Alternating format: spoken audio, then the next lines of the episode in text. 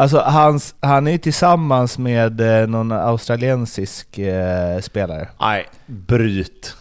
För helvete. Verkligen. Va? Va? Aboard mission Just- nu, bara stäng av. Vad nej, är det nej, du nej, in det här på är nu? viktigt.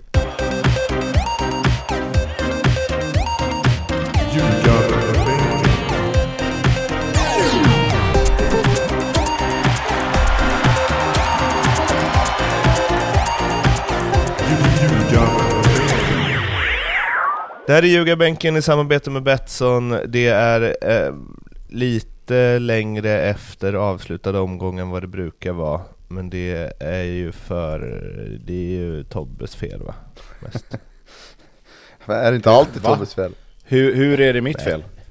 Nej, jag skojar. Jaha, jag tänkte vad fan har du nu missat? Men ehm, det är ju för att vi kan unna oss det då det eh, trots allt är ett tag tills det är eh, dags igen. Eh, Mini-uppehållet. Eh, bra eller dåligt? Vad känner ni?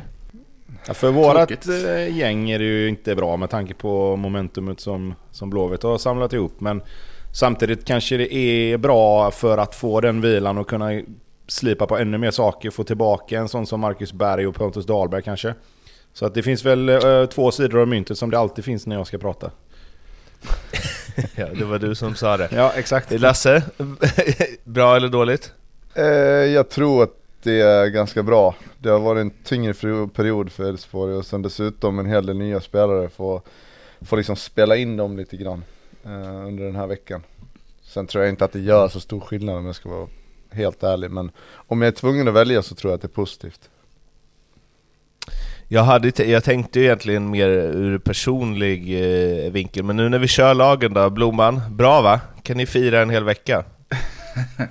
Nej, jag hade väl gärna spelat match imorgon om, om så hade varit fallet. Eh, leder formtabellen både senaste fem och tio matcherna. Så... Är det så? Att, ja, det är det faktiskt. Eh, får väl hoppas att de Det är- konserverar formen här under två veckor. Så du, Gått du, under radarn lite. Ja, ja har du det? Ja, för mig gör det det, jag bryr mig så- inte. Jag lägger till det här då. Hade du tagit de sex senaste matcherna så hade det varit Blåvitt som hade lett formtabellen. Är det så? Ja, faktiskt. Ja, hur, är det med, hur är det med Elfsborg om man räknar in tio matcher förra säsongen? Ja, Då men- leder väl de formtabellen? det är Det väl, börjar bli nio poäng på nio matcher där snart va? Ja, det är ju nio poäng på, nej det är det inte, det är ett kryss, men det är tre, tre torsk på de senaste sex matcherna och det är ju inget eh, superfacit eh, en höst när man spelar för guld, men eh, samtidigt så är ju varken Häcken eller Malmö ett dugg bättre så att eh, det är väl tur det i alla fall. Ska vi eh, riva av derbyt lite fort? Det fick en typ en egen sida i körschemat. Det var liksom... Men det, är ju bara, det handlar inte så mycket om matchen. Men du kan få ta oss igenom eh, matchen, eh, Blomman. Mm. Eh, Med ja, det, det, nöjet. ja, jo men det, det är klart det, är klart det blir det. Eh, börjar med två minuter och eh, vi har ett missat eh, öppet mål mer eller mindre av Arabi. Eh, Nordfeldt ut och hänger lite tvätt. Eh, och sen så vet jag inte om, om det är Pittas i AIK som eh, 30 sekunder senare skrävar den i, eh, i insida stolpen. Mm, tittas. Eh, så, ja, så kunde det varit 1-1 efter tre minuter typ. Om, om stjärnorna står rätt. Sen, nej, men sen så gör ju Saletos jättesnygg pass till Faraj. Eh, 1-0. Eh, Saletos är väl återigen den som jag tycker sticker ut rejält i AIK.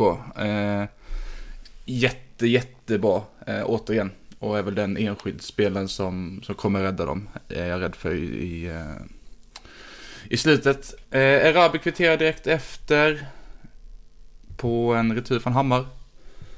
Eh, klassiskt eh, måltjuvsmål kan man säga det, på en retur. Tycker jag. Skönt i alla fall att han får eh, revanschera sig tidigt för han såg ut och ville sjunka genom marken efter den missen där i- början. Sen går ju Sadiku sönder eller blir skadad i alla fall i slutet av första och byts mot Djukanovic, vilket jag tyckte var lite, lite såhär wow, vad händer nu?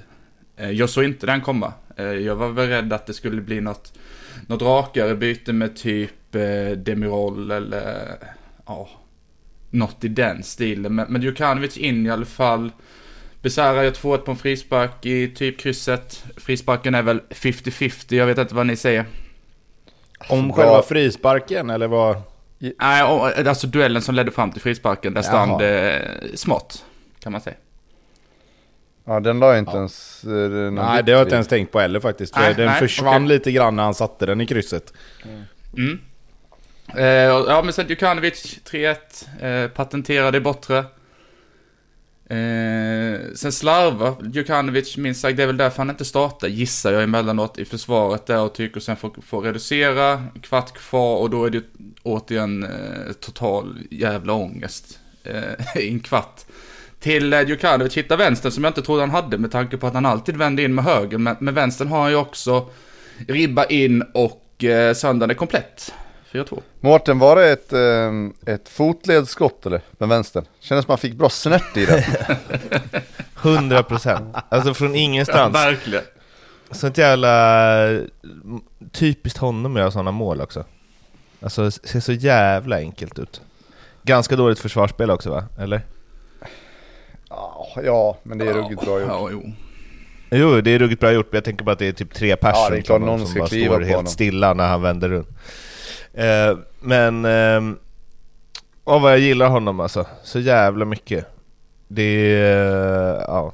Jävla, han spelar fotboll så snyggt. Eller avslutar snyggt i alla fall. Alltid. Han har väl ett mål per, vad jag tror det är uppe i 112 minut nu. Nej, Djukanovic, han har, jag tror han har gjort åtta. Ja, det är, Ja, åtta, ja. Och eh, nu har inte jag hur många matcher han har startat, men det är inte jättemånga. Alltså det är mycket inhopp på en, en kvart, 20 minuter, speciellt på slutet. Och då har han ändå gjort fem mål på, på de sista fem matcherna i Allsvenskan. Återigen, då är det ju jävligt trist att en sån spelare, ja men då, han sitter på bänken för att han är lite slö i defensiven. Det är alltid det man tittar på först. Ja, det, men alltså det är, väl, det är väl inte bara det, men, men det är väl en, en stor del av det i alla fall, tror jag. Eh, men det börjar ju nu givetvis komma till, till en punkt där man får välja lite hur man ska göra, om man ska kompensera in han någonstans. Nu funkade det ju liksom att spela utan Sadikus och Hammar fick, fick röja själv där på mitten och säkert med hjälp av någon av, av de tre backarna bakom. Men det blir intressant att se mot Malmö, och, om Djukanovic är den som är med i startelvan eller inte om två veckor. Ja, samtidigt har ju Hammarby gått bra sen han har suttit på bänken så att det är svårt att kanske kritisera just det. Men... Ja men till, Nej, absolut, slut, absolut. men till slut kommer ju hamna vid en punkt där man får liksom... Du, får du kan ju inte hålla honom på bänken hur länge som helst bara för att du ska spela Nalic och Erabi heller liksom. Alltså... Då får ju Nalic också börja... Nu har han varit bra. Alltså jag tycker han gör mycket nytta men... Har du en spelare på, på bänken som hela tiden gör mål Så får du i så fall liksom kanske... Då får du försöka vinna matchen tidigt med de två och så får du sätta in Nalic sen då och, och försöka stänga matchen istället. Alltså, det, det måste, du måste ju hitta ett sätt att få in Djukanovic om han fortsätter att vara stekhet. Alltså annars kommer ju... Då, då kan du lika gärna sälja han för de här 35 miljonerna som var i, i snack om och så får du försöka lösa en gubbe på bänken och, och plocka in en annan spelare. För det är ju helt meningslöst att ha en 35 miljoners gubbe på bänken. Men det är också roligt hur du Ja. säger att man ska slänga in Nalic och stänga matchen. Det lät som att han var liksom en så defensiv gigant där. Nej, det tycker jag inte. Men, men, om, men om anledningen till att han spelar före Djukanovic är att han är bättre defensivt eller liksom på något sätt skulle passa in mer än en målskytt i Hammarby, då, är, då får de ju börja fundera på hur ska man kunna skarva lite, lite grann utan att den stora helheten blir drabbad liksom. För jag menar, forward ska väl i första hand göra mål? Alltså det måste väl Inte ändå i vara deras... fotboll Tobias, det har vi pratat Nej, om. det är väl tyvärr så. Men jag menar bara att då, då tycker jag man får försöka se till att det är det som blir grejen för forwards. Sen säger jag så här, Nalic har ju gjort det fantastiskt bra. Alltså jag tycker han har gjort det jätte, jättebra sen de två började spela, han och Erabi. Men... Det, ja, jag vet inte. Det, för mig blir det konstigt om Djukanovic hela tiden ska göra mål när han kommer in och sen inte får spela från start.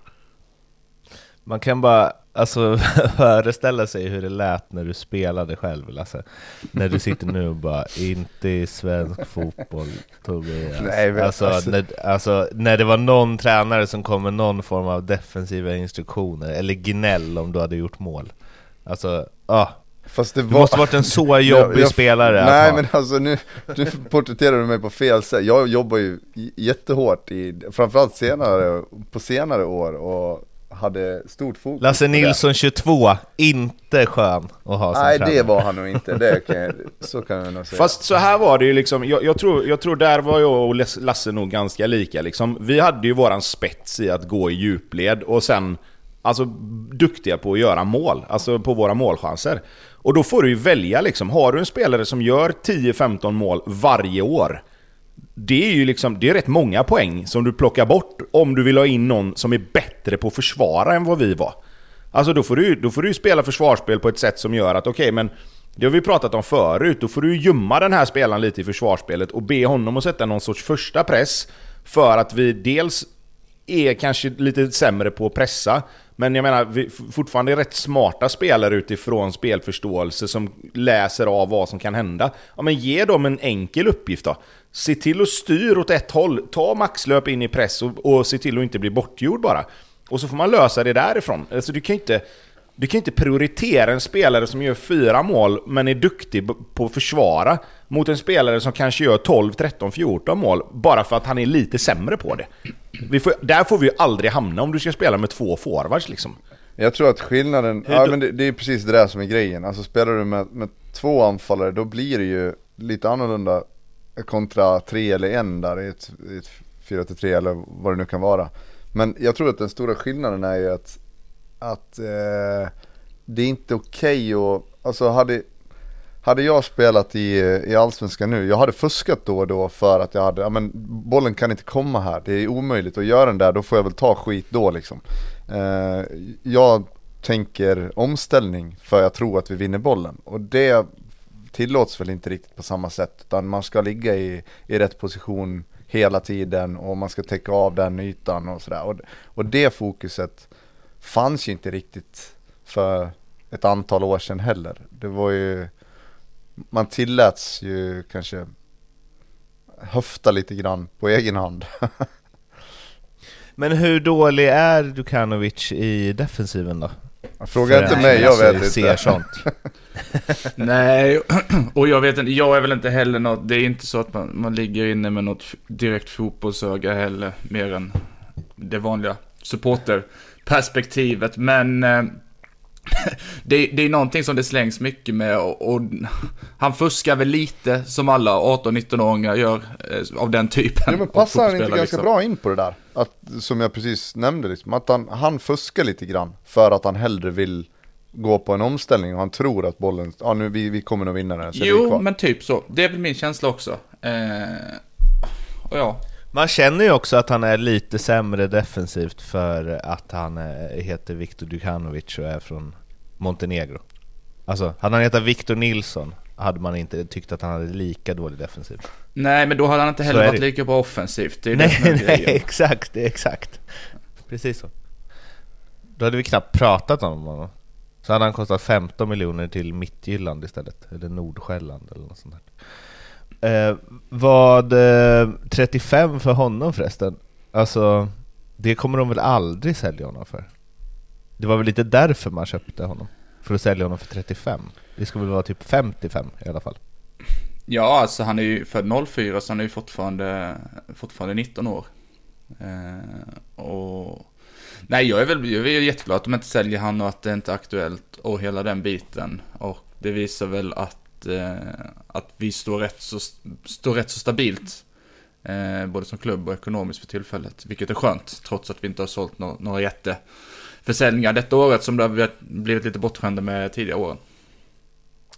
Nu kanske det blivit så här i, i några derbyn i och för sig, eh, kommer jag på när jag skulle säga det, men 4-2 eh, Alltså det är i alla fall merparten av derbyna har inte blivit eh, sex mål i eh, vad, eh, vad säger det om lagen och var de står? Och, för det kändes inte som aik var så jävla missnöjda heller, nu kanske jag får skit på Twitter sen Eh, Hur Men menar du det- nu?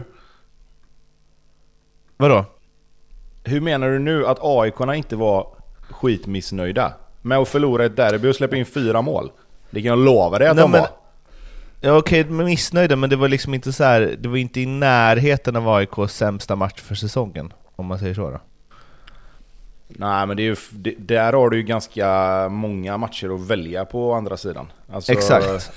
Fast det spelar ju ingen roll. Alltså- Alltså, förlora Nej, ett derby här- är väl värre. Alltså oavsett om du förlorar med 4-2 mot Hammarby som är i bra form. Så är det väl betydligt mycket värre än att förlora liksom mot Mjällby borta med 1-0. Nu, säger, nu vet inte jag om de gjorde det, men alltså... Nej, nej. Okej, de var svinbesvikna säkert, det var bara jag som duckade Twitter. Men det är väl jag kom till fattar vad- jag fattar var att det vad kändes som att folk inte tyckte att det var ett steg tillbaka för AIK på något sätt. Utan Fast då, kan jag, fast då kan jag tycka så här. Då kan jag tycka så här.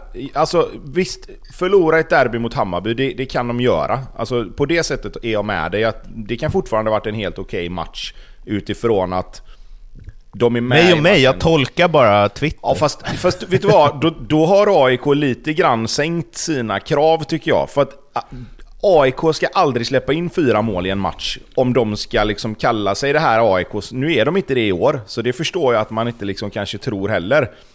Men alltså den där backlinjen har ju tappat precis allting. Ja, Alltså, det, jag det- det är ett helt slött- jag otroligt vilket- AIK. Eh, Ja, det är helt otroligt inte- hur det är lite de är sig själva liksom. Ja, och Och Hen Henning Berg ska väl vara någon garant för att det inte är slött, eller? Det var väl det man kände mest när de värvade in honom, att han, han är i alla fall arg. Ja, och sen, alltså nu är det här bara en situation och, och visst, eh, Saletros har varit eh, den viktigaste spelaren för AIK, men på 1-1 målet, det tyckte jag var lite talande för, för AIK i den här matchen. Han, först tar han en jättelöpning och ska hinna ikapp, nu kommer jag inte ihåg vem det är på vänsterkanten. Och sen när han väl kommer ikapp, då är det så, ja men det är nästan så att han skiter i duellen, så, ja, men nu är jag ikapp i alla fall. Och så blir det aldrig en riktig duell och sen tar han sig förbi och så är det, så är det 1-1 istället för att, ja men ett AIK som, som man känner igen AIK, ja men då smäller det där och så är det, han kommer inte komma förbi och det är max liksom en, en frispark ute på, på vänsterkanten ganska nära mittplan liksom. Så att de där grejerna, det saknas lite grann. Och det, framförallt är det konstigt i ett derby, även om jag tycker att det, är- det är bra tempo och det är en bra fotbollsmatch. Så, så det, det är inte riktigt där som man, man känner inte igen AIK i den, i den delen liksom. Nej, och det, och det är det jag tycker är liksom, det, det är samma, inte bara Saletros där, utan även liksom, även på skottet och sen returen som slås in liksom. Alltså, det, det, alltså det är liksom, 81 och är tre meter nedanför resten av backlinjen. Och de andra står och tittar på och bara hoppas att Erabi liksom är offside. Alltså de har liksom, när man mötte AIK förr, sådana mål gjorde du inte. Alltså skulle du göra mål på AIK så var du tvungen att göra det otroligt bra.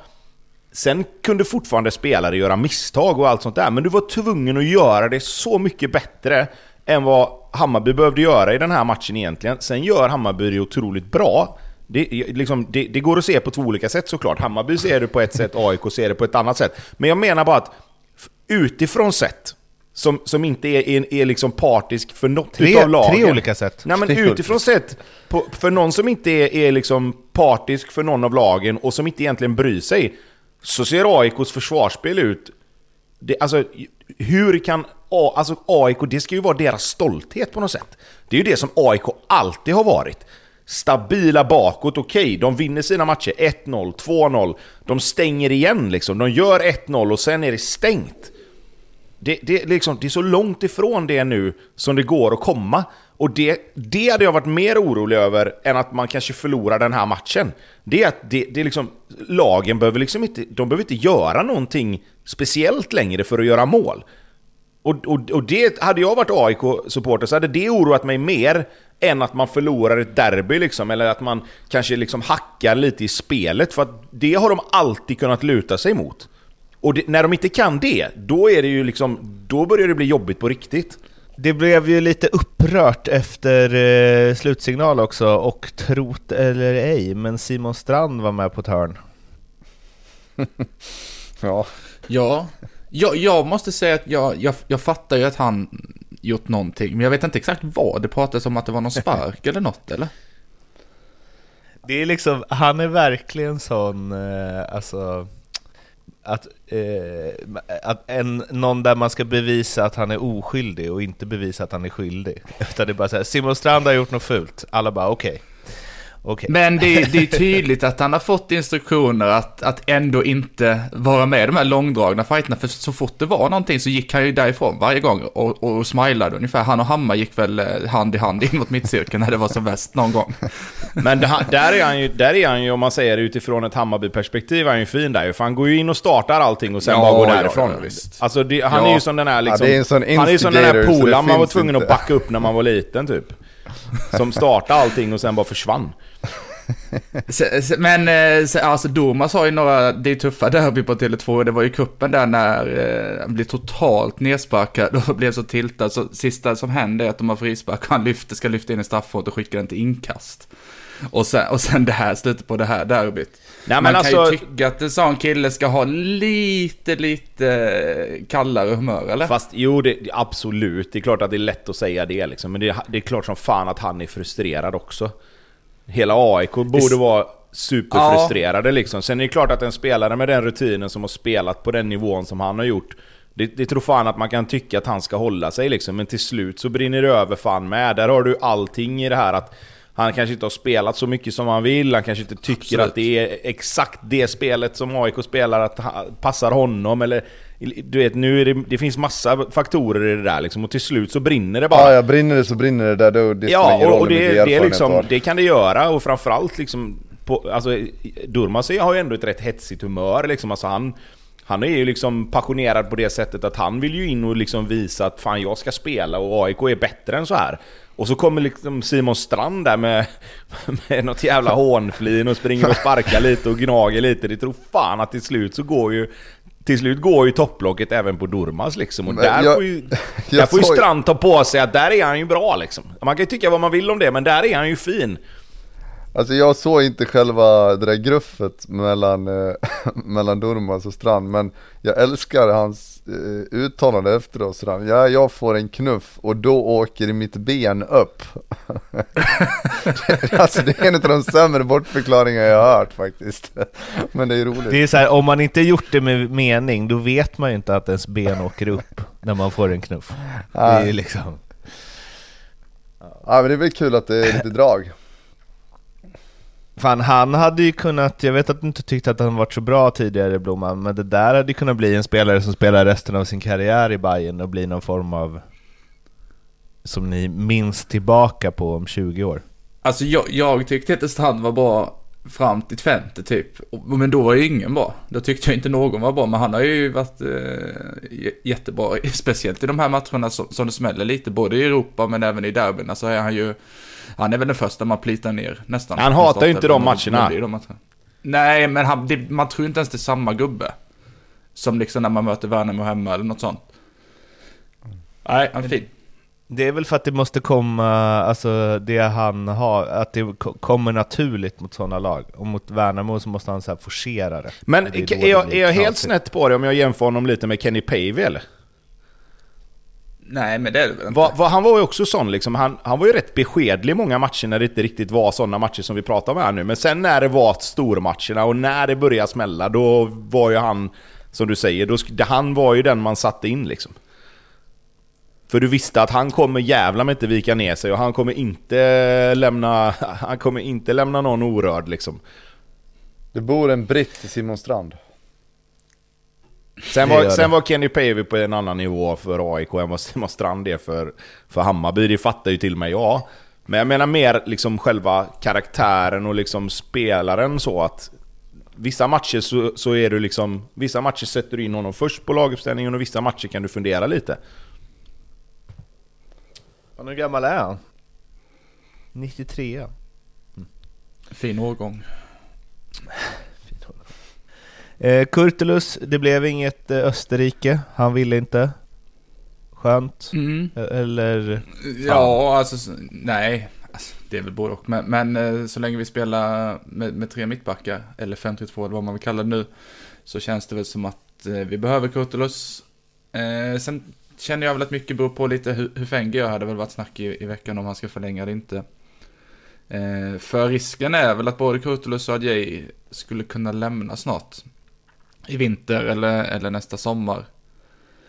Eh, så ja, jag har gärna kvar Kurtulus. Eh, det är väl upp till han. Han tyckte väl att det var ett lite för litet steg att gå till österrikiska andra tvåan från förra året, Stormgrass. Eh, personligen så tror jag väl att det hade varit ett rätt bra steg för men det är ju on-brand Kurtulus och tycker att det är lite, det är lite för Ja, lågt det är det verkligen. Eh, och och vad, vad, vad vet jag, han kanske har rätt. Men i, i min värld så hade det varit, varit ett eh, bra steg för honom. Eh, AIK då, ehm, var ju... ehm, eller har ju värvat mycket. Nu släppte de Bilal Hussein till Hertha Berlin. Två och en halv miljon, typ. Ja det måste ha Var varit någon klausul av något slag alltså. Det känns ju jättekonstigt. Jag vet inte hur långt han är kvar på avtalet. Han kanske gick ut i vinter. Men eh, det är ju alldeles för lite pengar för en sån spelare. Och sen så har de tagit in Bersant Selina på lån från eh, Dijon och eh, också eh, Benjamin Tideman Hansen från Molde var väl också ett lån va? Så två mittfältare. Ehm, Nej, är det mittback där var... de... Hansen är Aha. mittback va? mittback, okej. Ja, mittbacken, mittfältare. Är det, är det rätt? Är det där de... Fan, det är så svårt när de så här lånar in spelare som man inte... Med åtta matcher kvar som man liksom inte riktigt vet vad... Men man får väl utgå att de har men koll. En mittback kan man väl lugnt säga att de behöver i alla fall. Det är inget snack om det. Och nu gissar jag, men jag, det känns väl som att eh, Henning Berg har hyfsat koll på, på det här lånet och även eh, sportchef Tomo, vad heter han? Ja, sportchefen. Berntsen ja. Berntsen. ja men jag, om inte annat för att sätta lite eld i röven på de två som faktiskt spelar. Att liksom, nu kommer ni inte komma undan med att vara liksom två, två och en halv i matcherna, utan nu måste ni upp. För annars så kommer det komma in en spelare och ta eran plats. Liksom. Innan har det väl känts som att de kanske inte riktigt har haft någon som de litar på och kunna sätta in där i, i mittlåset. Liksom. Så att det, men är, det är väl han också frisk för att... och tränar ordentligt nu under de här veckorna, då kommer ju han, Hansen spela. Det, Ja det är klart, annars det- lånar man ju inte in en sån spelare. Nej, nej exakt. Ska vi stänga derbyt här eller? Tycker jag. Ja. Ja. Ja. Ja. Vi kan prata om det. Vi har ju tagit till nästa match Blomman, så vi kan snacka om det längre fram om du vill. Du kan ringa när som helst. Eh, Norrköping-Djurgården, eh, för då kan jag prata lite med Oskar Jans, om jag, Oskar Jansson med dig, tänker jag, åt andra hållet. Det kan behövas. Eh, alltså när du skrev i chatten, Lasse, något om re- den returen. Alltså jag kollade inte på matchen eller någonting, visste inte att det hade blivit mål. Men jag bara visste att, det, att den kommentaren handlade om Oskar Jansson. Varför har han det där? Alltså det, det är väl... Det är så konstigt. Ja. Jag vet inte varför han har det. Han är, I de där delarna är han inte tillräckligt bra i. Men det, känns, det känns på något sätt, han gör, han gör lite knasiga grejer ofta, men det känns också så jävla off-brand att han gör det. För att han känns som en liksom stabil, eller han står ju hela tiden, han har ju stått i Allsvenskan i 7000 matcher. Och det känns inte eh, som att det rimmar med sådana där ingripanden, egentligen. Sen var det väl inte, det var liksom ingen, det är ingen tavla på det sättet. Men det är ju ingen smart retur att, att släppa ut. Men ganska onödig att ens släppa retur va? Eller? På, på andra fias. målet? Ja. Ah, alltså, det blir ju en dålig retur för att han inte får bort den tillräckligt såklart. Men den tar ju också på en spelare precis när han är beredd att liksom parera skottet så tar den ju på en spelare och ändrar riktning lite, lite grann. Så det blir väl en reaktion bara att bara försöka liksom få den att inte gå in. Sen, sen ser det ju ut som att det är jättedåligt, det håller jag med om. Men tittar man på den igen, jag tänkte faktiskt på det för jag kände första, exakt som ni, att den här returen var inget bra. Eh, men det är en liten, den ändrar riktning väldigt lite men den tar ändå på någon precis framför mål och, gör, och ställer honom lite grann tror jag.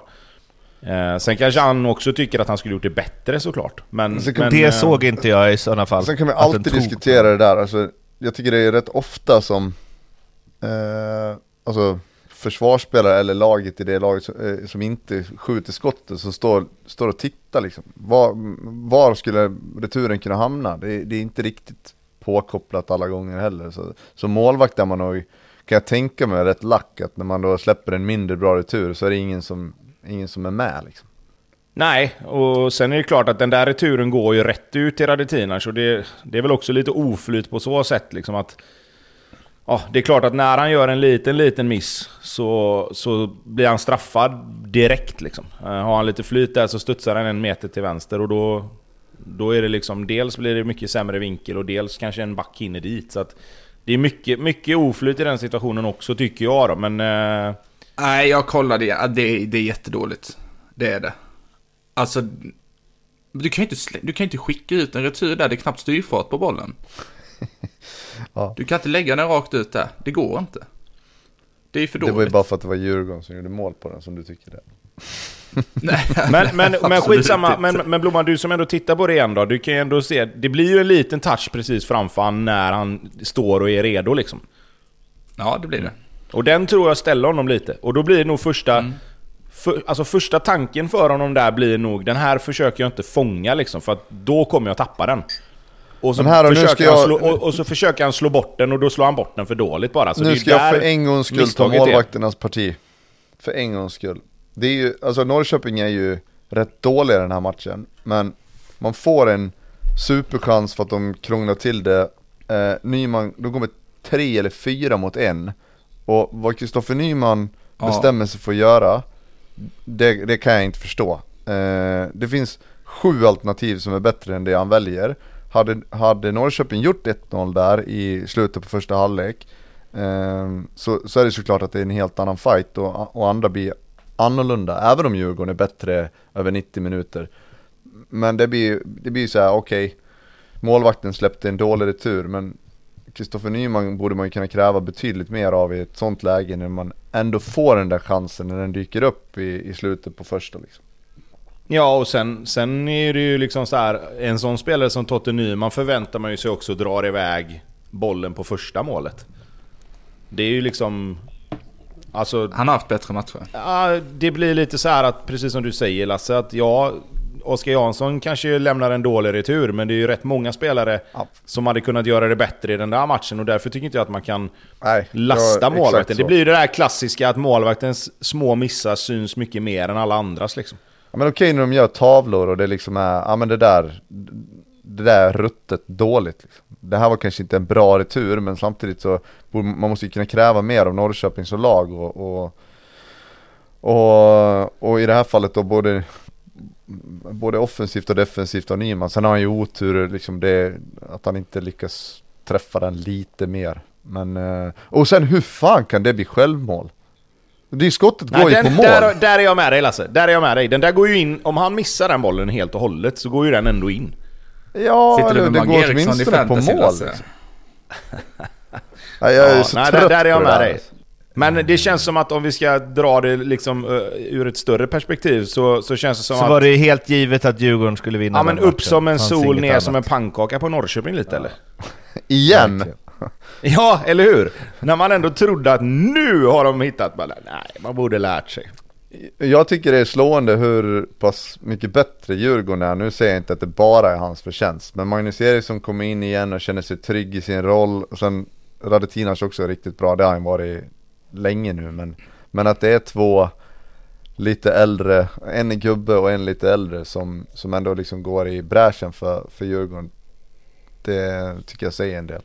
Och lite häng på tredjeplatsen för Djurgården nu. Känns väl inte helt omöjligt Nej, helt plötsligt. definitivt inte. Eh, Och ta in fyra på Häcken. Nej det känns inte alls omöjligt. Hampus Findell eh, ryktas bort. Ehm, men säger ju att det ska till något helt, helt extra för att jag ska byta klubbmärke. Så det blir väl Lech Poznan eller något sånt där, antar jag. ja, men det, vad är ens det? Vadå något helt extra? Men det är Man väl vet bra att kunna säga så, vilket- då, lägger, då kan han ju gå till vilken klubb han vill och så bara, ja men det här var ex- något helt, helt extra. Ja, för han vet ju ungefär vilken kategori klubbar som kan tänkas vara intresserade. Vad kan antar jag. något Det är extra bättre än betyda? Edvardsen. Typ Al Man tittar mycket på italiensk och fransk fotboll, så det är väl vilket lag som helst då, i Italien eller Frankrike. Det är bättre att säga så än att köra en Edvardsen och säga att man inte tänker gå i alla fall till något bottenlag i, i Holland och sen Sen så tar det det. några veckor och sen gå dit ändå. Ja det är bättre.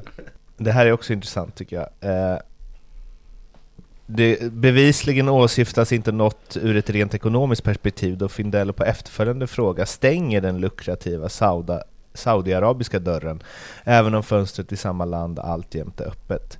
Det är inte där jag ser mig själv som, spela som 23-åring. Det ska till något helt, helt extra för att jag ska byta klubbmärke. Intressant. Alltså, nu vill jag att det ska komma ett 30 miljoner om året bud.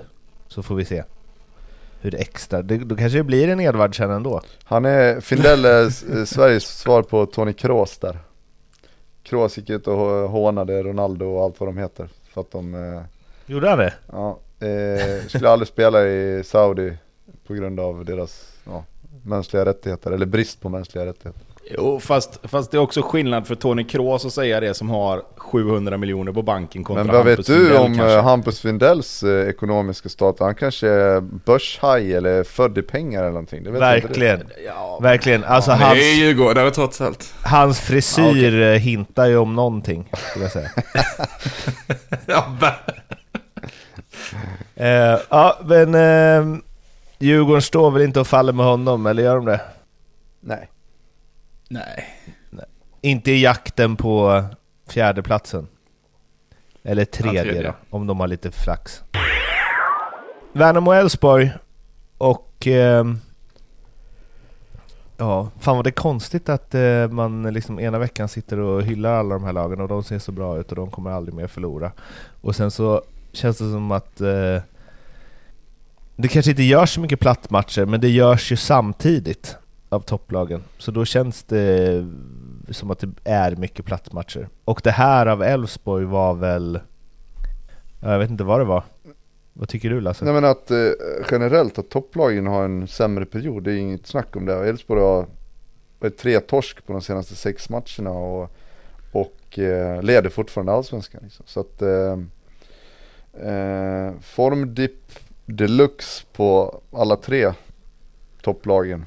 Eh, sen är ju, om vi börjar med Elfsborg så är det ju de är ju lite sönderköpta också. Det är ju rätt så mycket spelaromsättning. Man pratar mycket om Häcken och att de har ersatt och hur de har ersatt och sådär. Men det gäller Elfsborg också. Man har ju sålt alltså, bra spelare, visserligen till, till bra pengar också. Så att de har gjort ett bra fönster ekonomiskt. Men det är klart att ska du byta ut tre, fyra, fem startspelare eh, så kommer det göra någonting mot, mot spelet och mot gruppen. Det, ska, det är en ny eh, ny formula lite där. Alltså man ska hitta lite timing med varandra och, och det syns ju tydligt att, att Elfsborg inte riktigt uh, har hittat rätten. Så på det sättet är det bra att de kommer, att de får eh, en dryg vecka på sig och, och liksom samla kraft och hitta något. Jag kanske lära de här spelarna som är nya vad, vad som krävs. Eh, men eh, nej, det var, det var en, det var en platt match, det får man säga. Sen har man ju Sen har man ju, ehm, inte otur men, men det är klart att får du ett rött kort på målvakten eh, så kommer matchbilden förändras, så, så är det ju. Och kalla inte Jag det för tweet otur. om att det var... Nej jag, jag ändrade mig Alltså, ju.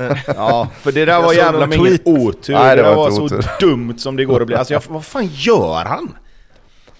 Nej, det, Den värsta utrusningen sen Frank de Wilde. Alltså jag, jag blev så här, 00 när jag såg den situationen så tänkte jag okej, jag vet ju att det blir ett rött kort på målvakten här. Men när den bollen slås ut på kanten där, då tänker jag okej, nu kommer det ett inspel. Och så, och så typ köttar han någon in i straffområdet. Och så helt plötsligt så bara ser man han komma flygandes. Och det är liksom så här. jag tror, Ademi alltså, blir vad fan lika, gör- men, på riktigt, ju, nej, men på riktigt. Ademi alltså, blir också aldrig förvånad. liksom- Vänta, vad gör han här? Nej men så här, visst målvakter liksom så här. Han har ju haft sina utrusningar där han har hamnat liksom. Det har varit 50-50 någon gång men han har ändå tagit den. Och sen har han varit helt rätt på det några gånger. Och så som du säger Lasse, att någon gång har han varit snett på det men då har de räddat han liksom. Men här ute, där ute finns ju ingenting som behöver räddas liksom. Alltså, Nej, tror det- vad ska han vinna på att ta bollen där? Ja, alltså man vinner väl alltid något på att ta bollen av någon, men det är ju såklart en idiotisk utrustning. Men jag tror att han, alltså den gräsmattan, tjock, sträv gräsmattan han inte räknar med, vanligtvis på det där konstgräset hemma, då hinner han på det mesta för att han har en sån jävla hög utgångsposition. Eh, det är klart att det inte är någon ursäkt. Men jag säger ändå, vänta, vänta, vänta, låt mig fortsätta. Eh, alltså sett till alla situationer över hela året så tycker jag att ändå att han har gjort mer nytta med sina utrustningar än vad han har gjort skada liksom. Så att, eh, men det är det som, som förmodligen förlorar om matchen också. Ja men det, det, är klart att, det är klart att det här är hans första, liksom, vad man säger, grova miss. Men det jag menar är mer så här att om han kommer ut i en utrusning där vi snackar om att det blir ett friläge, om han inte rusar ut och skjuter bort den.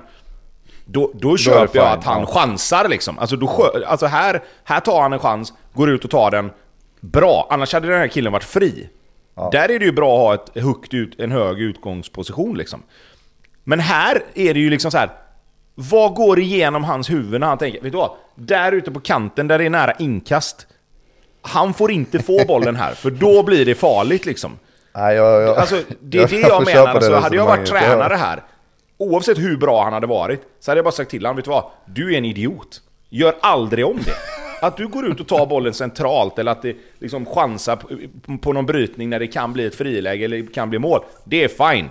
Men är bollen utanför, alltså är bollen ute i yttre korridorerna och det är liksom mer nära hörna eller inkast, då håller du dig i målet liksom. Och där Lasse, har du varit den största Ja men jag är lite, fär- jag känner att jag är lite förespråkaren väl färgad här. Jag, Nej, alltså, hade- när jag hade- hör hade- ditt resonemang så kan jag inte annat eller- än hålla med. Nej, nej, hade Dahlberg eller Benediktsson gjort det, så jag hade slaktat honom. Ja det är klart Alltså, som fan att det är honom. hål i huvudet, han ska inte vara där.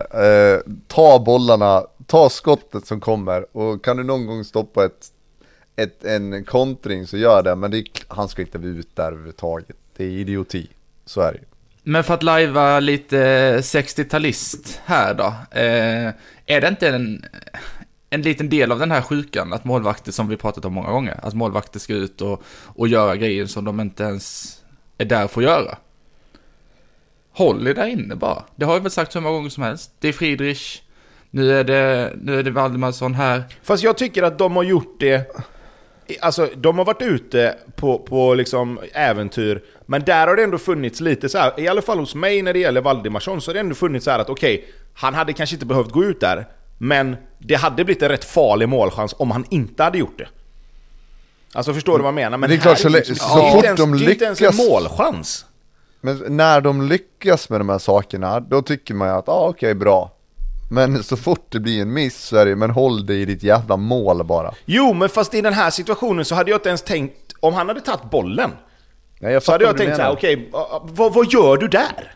Riskkalkylationen Jag var också, inte, kalkyleringen var inte superbra. Nej, jag, jag fattar också, men om vi räknar på att den här eh, incidenten eller tacklingen eller vad vi kallar det kostar de tre poäng. Så är det ändå, då kommer, kan det ju aldrig väga upp alla utrustningar han har gjort innan, även om de är bra. Om han hade konsekvent hållit en lägre profil eh, som målvakt så hade det ju inte, så hade de ju aldrig tjänat på de här utrustningarna. För detta kostar ju tre poäng, det kan du aldrig väga upp med de andra. Ja, fast, bra. det, jo, fast där tycker jag du har lite fel. Alltså det, det hade ju kunnat bli frilägen och mål på de chanserna som han faktiskt har avstyrt. Så det tycker jag inte man kan säga. Alltså han, Den han blir ligger väldigt fortfarande hypotetisk. plus liksom.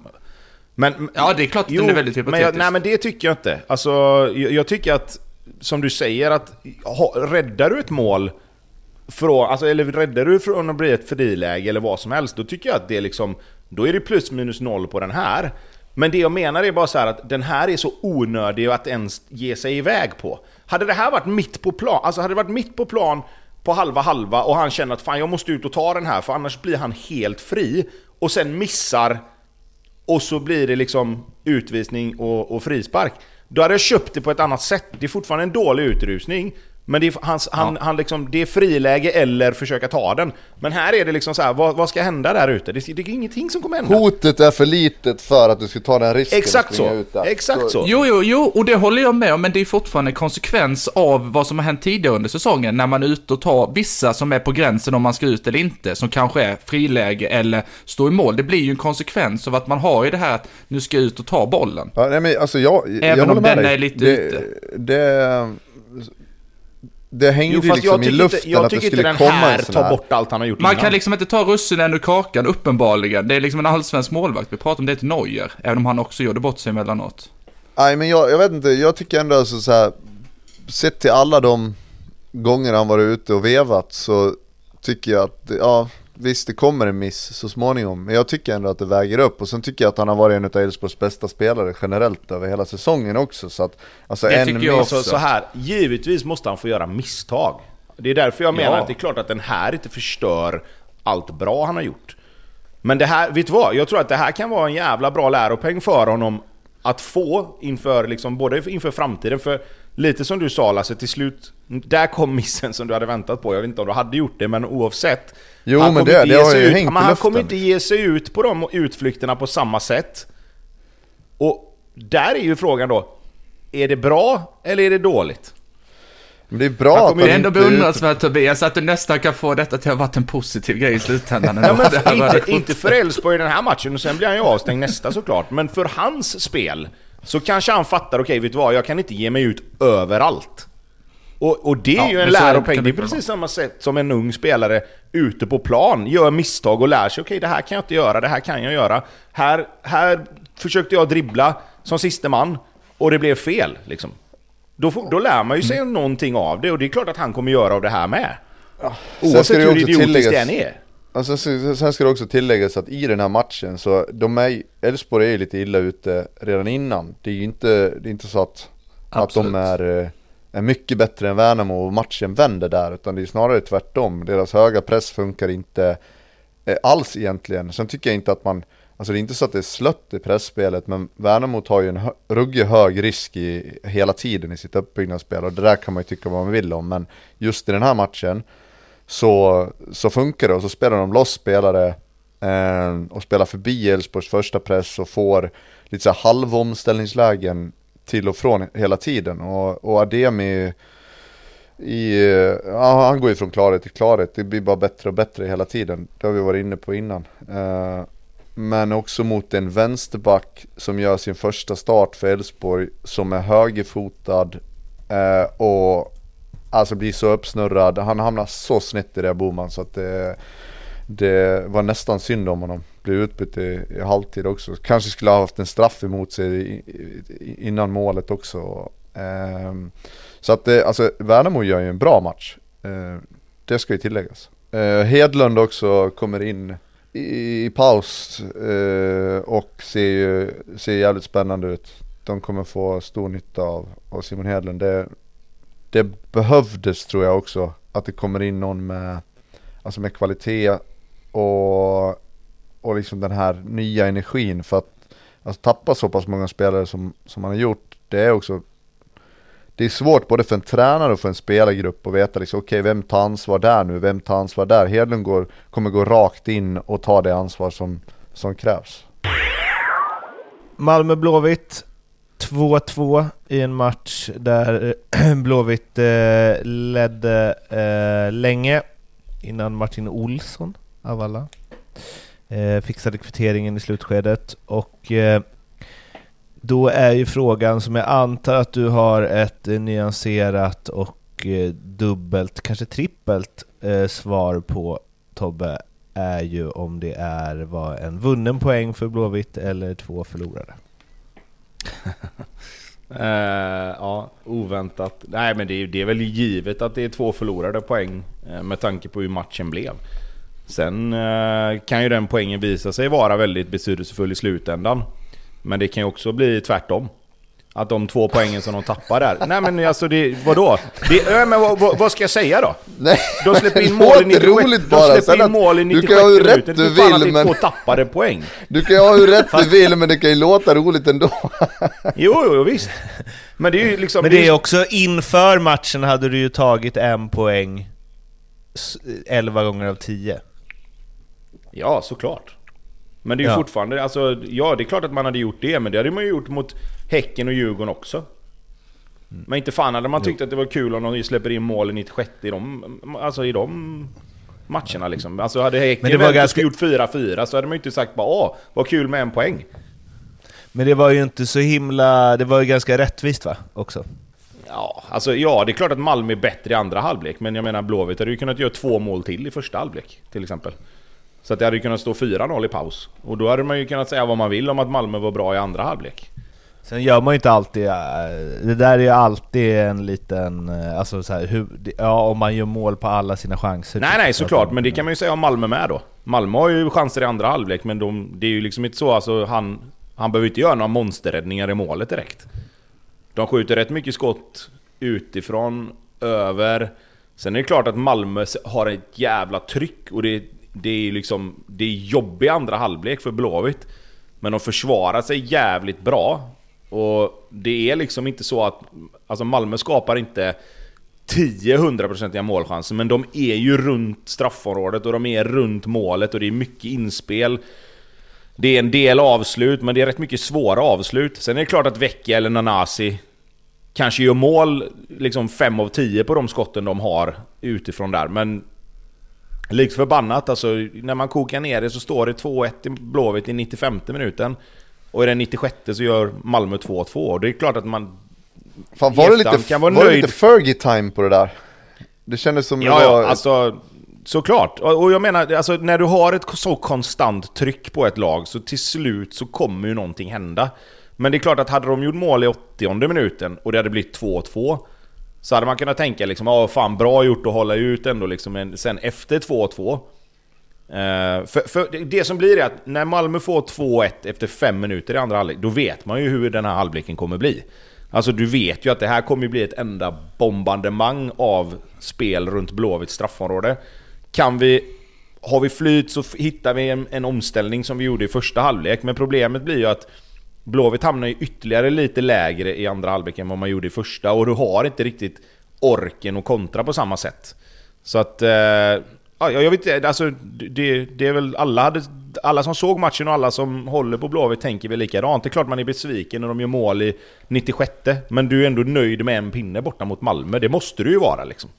Ja, det, det jag menar med Fergie Time, det kanske var um, lite missvisande, men alltså Eh, ha, jag, är, jag förespråkar verkligen att de ska lägga på en jävla massa tid om, om det blir maskningar och det tar lång tid och sådär. Men hade det varit Värnamo mot eh, uh, IFK Göteborg så hade det varit fem minuters tillägg, inte nio i den här matchen.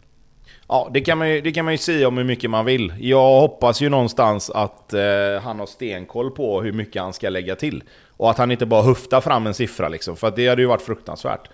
Eh, sen kan jag också tycka att nio minuter är länge. Och det, det, som, det som blir problemet för mig, det är... Jag säger ingenting om att det tar tid när Malmö, eller när Blåvitt har bollen och när det är dödboll och liksom så fort Blåvitt får chansen så är det klart att de kommer att liksom försöka få tiden att gå. Precis på samma sätt som om det hade varit tvärtom. Och är det då så att de här nya direktiven säger att ja, men det ska vara nio minuters tillägg här, ja, men då är det, det är fine med mig liksom. Men då men det då kan det inte vara, då kan det inte, Nej men då kan det inte vara tre minuter eller fyra minuter i en annan liknande match. Nej, det är lite det, är det, det, är det som blir problemet för mig. Alltså där har jag mitt problem. Är det nio minuters tillägg, fine. Inga konstigheter överhuvudtaget. Då, då tuggar man i sig det bara. Men är det 3-4 minuter när det är en liknande matchbild och liknande maskningar i andra matcher, det är då jag kommer flippa liksom.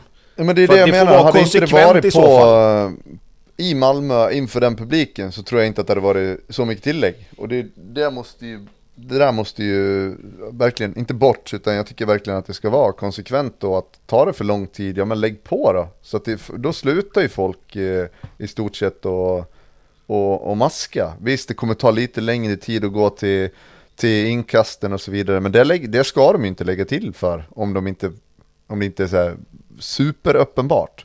Men, men det är klart, Nej, blir men det blir ju spekulationer i, i, i allting liksom. Men, men ska man ha den linjen där du ska lägga på mycket tid, då, då, då behöver det vara då behöver det vara 7-8 minuter i matcher som, de här, som den här var. Och då ja. säger jag ingenting om att man lägger till, då, då, får, då blir det samma för alla liksom. Men jag tror inte att det kommer vara samma för alla. Jag tror inte heller det, men det borde, det borde verkligen stävjas ordentligt. Alltså lägg till 10-12 minuter om det krävs. Det får vara så. Men om vi, ska, om vi ska hålla oss kvar vid själva matchen liksom. Så vi har ju gnällt lite på Rydström.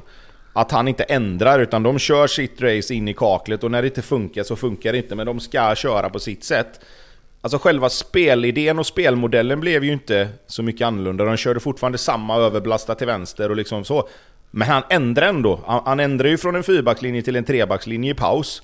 Vilket gjorde att de fick en spelare extra längre fram i plan och det, det gjorde att Blåvitt i sin tur fick problem för att när Blåvitt pressade med sina tre spelare i första halvlek mot Malmös fyra, då, då, hade, då var Blåvitt än mer lägre ner i plan, vilket gjorde att de kunde stänga ute på ett helt annat sätt.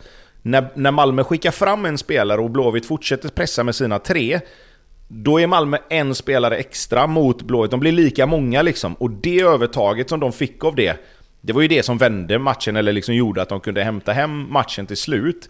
För det var det som gjorde att Blåvitt inte fick tag i bollen på samma sätt i omställningarna. Eh, det var det som gjorde att Blåvitt till slut, efter mycket om och men, gick ner och började spela någon slags 4-4-1-1.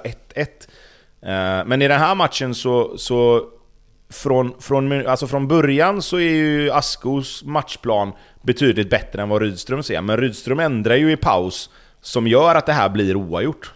Ja, och sen är det också en stor, det är en stor förändring. Jag vet inte, han, han, det var en jävligt märklig intervju han ger efter matchen. Han säger först att det är att de har tränat på det och sen tar han på sig det och sen har de tränat på det och sen är det hans fel. Så man får ju inte några riktigt klar, klart för sig vad som egentligen var. Men skillnaden tycker jag i, i den här matchen jämfört med många andra det är att man sätter en ytter, Talis stora delar av andra halvlek längst ute på kanten så att det finns, en, ett, det finns ett vändningsspel liksom. Och det har man inte haft och det, i första halvlek är det ju totalt obefintligt. Då är det bara överbelasta eh, på, en, på vänsterkanten. Och, och sen går det ju så förbannat långsamt för dem i, i första halvlek också. Eh, men jag tror inte att han riktigt ville erkänna att de gjorde den förändringen på något vis. Det kändes lite så. Eh, så fort de får börja vända på spelet lite grann och att de inte bara behöver spela på en sida så då blir det ju såklart mycket jobbigare för Blåvitt också. Då måste du ju flytta och det, det, blir ett, en annan typ av belastning. Du måste hela tiden vara påkopplad. Okej, nu kan det komma ett inlägg från det här hållet. Helt plötsligt börjar de slå lite inlägg, de börjar pumpa in lite bollar i boxen. Det var lite instick på, på, på vecka, även från lite längre avstånd. Liksom man dumpade in lite bollar och och det måste ju, Malmö måste ju ha en variation i sitt spel. Det går inte att göra exakt likadant hela tiden. Nej, men och framförallt inte när du åker på så mycket omställningar som du gjorde i första halvlek. Alltså de ville ju gå in centralt och de ville sticka in bollar på i sina pocketytor för att sen gå ut på kanten och sen komma igen liksom. Och där stängde ju Blåvitt igen. Dels med, med tre innermittfältare som gör ett jättejobb i första halvlek och sen även med, om man säger ytterbackarna som kommer tidigt. Eh, och, och, stöter liksom. Det är ju så 2-0 målet till exempel blir. Pontus Jansson försöker spela upp den på en felvänd Sören Rex som eh, Oskar Wendt läser, vinner bollen och sen är det två passningar och så är, så är Mucolli iväg och, och liksom har inte fri lejd mot mål såklart, men han är ändå liksom... Det blir en omställning där Malmö får det jobbigt och det var många sådana i första halvlek. Eh, och Blåvitt gör det otroligt bra många gånger, men lite, lite mer skärpa till och med så hade man kunnat göra något mål till. Eh, men, men Blåvitts offensiv och, och, och, alltså spelet som helhet i första halvlek är ju, är ju bland det bästa vi har sett på länge liksom. Men jag vet inte vad du säger om det, men det, så, det jag tycker är slående nu i, i det lite nya Blåvitt, det, det är ett bra exempel förresten när eh, Oskar Wendt kliver in framför, vinner boll, spelar iväg den. Sen är ju han, han är ju redo för inlägg på, på bortre stolpen, på fel sida. Han har ju dragit iväg i först i en djupled och sen bara, ah, men det kommer inlägg på bortre. Alltså det finns en helt, ett helt annat tryck i, eh, i, i, många spelare, men Oskar Wendt är ju definitivt en av dem. Han har, sett, han har ju sett eh, gammal ut, eh, minst sagt, på, på våren och nu nu hittar han någon, någon andra andning och, och det, det tycker jag tyder på att Blåvitt kommer få, ja, i alla fall det, det, det, känns ju inte lika solklart. Hade, hade man frågat för några veckor sedan, eller frågat mig i alla fall, så hade jag sagt men de åker ur, det går inte. Eh, men de har ju hittat någonting, framförallt i omställningsspel. Fan vad bra eh, Mukolli är. Alltså grym. Väl? Ja, det känns som han är bakom typ alla mål på ett eller annat sätt. Ja, han och Santos har ju verkligen kommit in och, och liksom varit så betydande som, som man hade hoppats liksom. Det, det var, de hade en liten slow start båda två. Mucolli spelade till höger i början. Eh, blev väl lite trippande och, och, fick inte riktigt ut samma sak. Men sen när de satte honom till vänster i, i den centrala tri, trion där fram så har han varit fantastisk liksom. Han har gjort 3-4 mål va, och Santos är uppe på 6 assist redan på 9 matcher och ligger trea i assistligan liksom. Så det är klart att de poängen som de har fått in där är ju, är ju livsviktiga. Och kan de, kan de fortsätta bygga vidare på det och liksom... Ja, våga på något sätt låta motståndarna ha bollen mer och, och sen ställa om? För att... Nu mötte de Malmö och de har mött Häcken och de har mött Djurgården som är bra på det där spelet med bollen och ändå lyckats straffa dem och och liksom vinna två matcher och, och, och, få ett kryss här nu då, där de var nära att vinna även denna. Eh, om man kan våga göra det mot lag som, som inte är lika bra med bollen så, så kommer du kunna fira ännu större triumfer i ett sånt omställningsspel. Liksom. Så att man inte går på den här liksom, niten nu kanske, att man känner att man måste börja styra matcherna själva på hemmaplan när man kommer och möter lag som till exempel BP, eller när man ska möta då till exempel lagen som ligger längre ner i tabellen och, och, och, känner att nu måste vi ta tag i matcherna. För att jag tror inte att det passar Blåvitt just nu. De ska, de ska lägga sig och vänta på motståndarna och sen slå till när, när tillfälle ges. Liksom. Och det handlar mer om att göra det nu över hela säsongen som är kvar. Och så får man helt enkelt bara, och så får man helt enkelt bara sätta sig till vintern och, och bestämma hur man ska ta det vidare därifrån. Liksom. Tobbe, andas du ut om ni slår BP nästa eller? Nej, det gör jag inte. Men det är ju bra, det är ju bra om ett lag till dras in i, i den där striden. Liksom. För då är det ju fler lag som kan tappa poäng och det är, det är lite fler lag som, som hamnar liksom med, med kniven mot strupen och, och måste vinna matcher. För nu är vi där liksom. Vinner Blåvitt mot BP så går de ju om BP. Och då är BP i allra högsta grad indragna i den där bottenstriden som Nej, Vissa nej. av oss här i podden nej, då inte har velat erkänna förrän kanske om två veckor då. Nej, det är ingen risk. Det är ingen risk. Eh, jag ska bara tillägga just eh, runt, runt Malmö, okej okay, man gör en dålig första halvlek, fruktansvärt dålig. Sen att man får med sig den där poängen, det stör ju mig såklart lite grann men, men att det är två poäng istället för tre poäng upp till Elfsborg, eh, det, det gör, man kan inte låta bli att snegla på den där sista omgången Malmö-Elfsborg i, i, i, Malmö liksom. Så att eh, den, eh, den poängen kan ha varit jävligt viktig och man såg också på spelarna att de förstod att det fanns en, en eh, att det var en stor vikt i att faktiskt få med sig en, en pinne trots att man ligger under med 2-0 där. Ja, ja, det är klart. Alltså, det, var ju som, det var ju som Johan Dahlin sa efter matchen, att den pinnen kan, kan visa sig viktig i slutändan. Liksom. Och Även om de inte är nöjda med sin prestation i första halvlek så är det fortfarande starkt att komma tillbaka efter en sån halvlek. Och det kan jag ju också hålla med om. Även om det givetvis var, var skit för, för IFK så, så är det klart att tittar man ut utifrån så, så är ju det starkt av Malmö att efter den första halvleken, där ingenting egentligen stämmer för dem, komma tillbaka och göra en så pass bra andra halvlek. Sen får de hjälp av att de får en straff tidigt. Eller, alltså straffen är ja, 50-50. I Malmö får de den, på Ullevi kanske inte. Eh, men, men sen är det liksom, det de gör sen därifrån, det är ju trots allt jävligt bra. Ja. Eh, vi har två eh, övergångsgrejer här kopplade till de här lagen som vi ändå måste dra också. Dels eh, David Perez från eh, Atalanta, gått eh, samma väg som Kulusevski från BP som 16-åring eh, och nu lånar Blåvitt in honom tills nästa sommar va? Fan, de där lånen har blivit rätt vanliga. Ett år, alltså att man lånar från halva säsongen till halva nästa. Eh, innehåller köpoption också. Ja. Känsla? Eh, ja, men spännande är väl egentligen, alltså, utan att veta någonting så, så är det liksom spännande att, att, ta en sån spelare. Han var ju verkligen en supertalang när han kom fram i BP. De, de, de håsar ju honom uppe i, i Stockholm där och i Bromma som en av de största talangerna de har haft. Sen gick han tidigt till Atalanta. Eh, kanske fått lite stopp i utvecklingen där och i och med att han inte har tagit det klivet upp i i, liksom, i hetluften som man kanske hade tänkt att han skulle göra med tanke på talangen han hade. Så att det finns ju någonting där som har varit jävligt intressant och kan, kan det komma ut i en allsvensk kontext och liksom få, få utvecklas kanske lite mer i, i, i, en miljö som är mer på hans nivå så, så kan väl det där bli jättebra. Eh, jag tycker det är helt rätt väg att gå. Ska man, ska man låna spelare så är det ju sådana spelare som du sen kan plocka in om det visar sig att de är så bra eller att du får den utvecklingen på dem som du vill ha. Alltså jag gillar det där med köpoption, att eh, ja, man lånar inte bara för lånandets skull. Men det är också lite märkligt att man lånar in en spelare från Atalanta och sen ja, vi har tanken att eventuellt låna honom, äh, låna honom vidare till en samarbetsklubb för att garantera speltid. Det låter ju inte som att man tänker att han ska komma och göra någon större skillnad. Liksom. Nej men jag tror, inte det, jag tror inte det är det som är grejen med att han är... Alltså att, att han hamnar på, på den lånelistan i, gentemot Västra Frölunda där.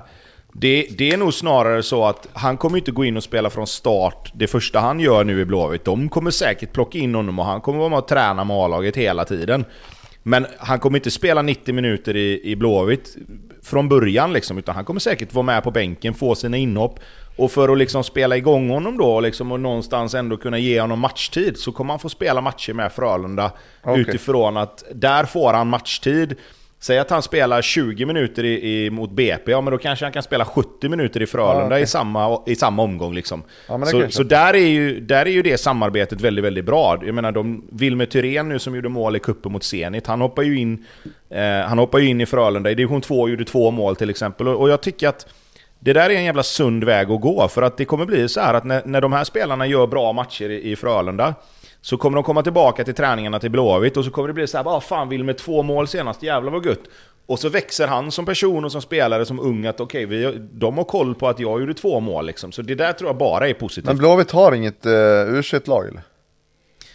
Jo, men det vet ju själv hur de där U21-matcherna ja. brukar vara liksom. Alltså, jag, jag, jag, var bara, att... jag var bara nyfiken, jag trodde ja, att de hade jo, nej, nej, absolut. Det, det finns ett U21-lag, absolut. Men jag tror att för de lagen som har möjlighet att göra så här och, och liksom skicka spelare till till eh, samarbetsklubbar på det sättet som, som man kan göra här då. Så jag tror det kommer gå mer och mer mot det om, om det visar sig att det här blir, om, att det här blir bra. Blomman, du, du vet ju lite hur det har funkat uppe i Hammarby. Hur, hur, hur pratar man om Hammarby TFF uppe i, uppe i där liksom? Hur, är det bra eller är det liksom... Hur, hur ser man på, den, på det samarbetet?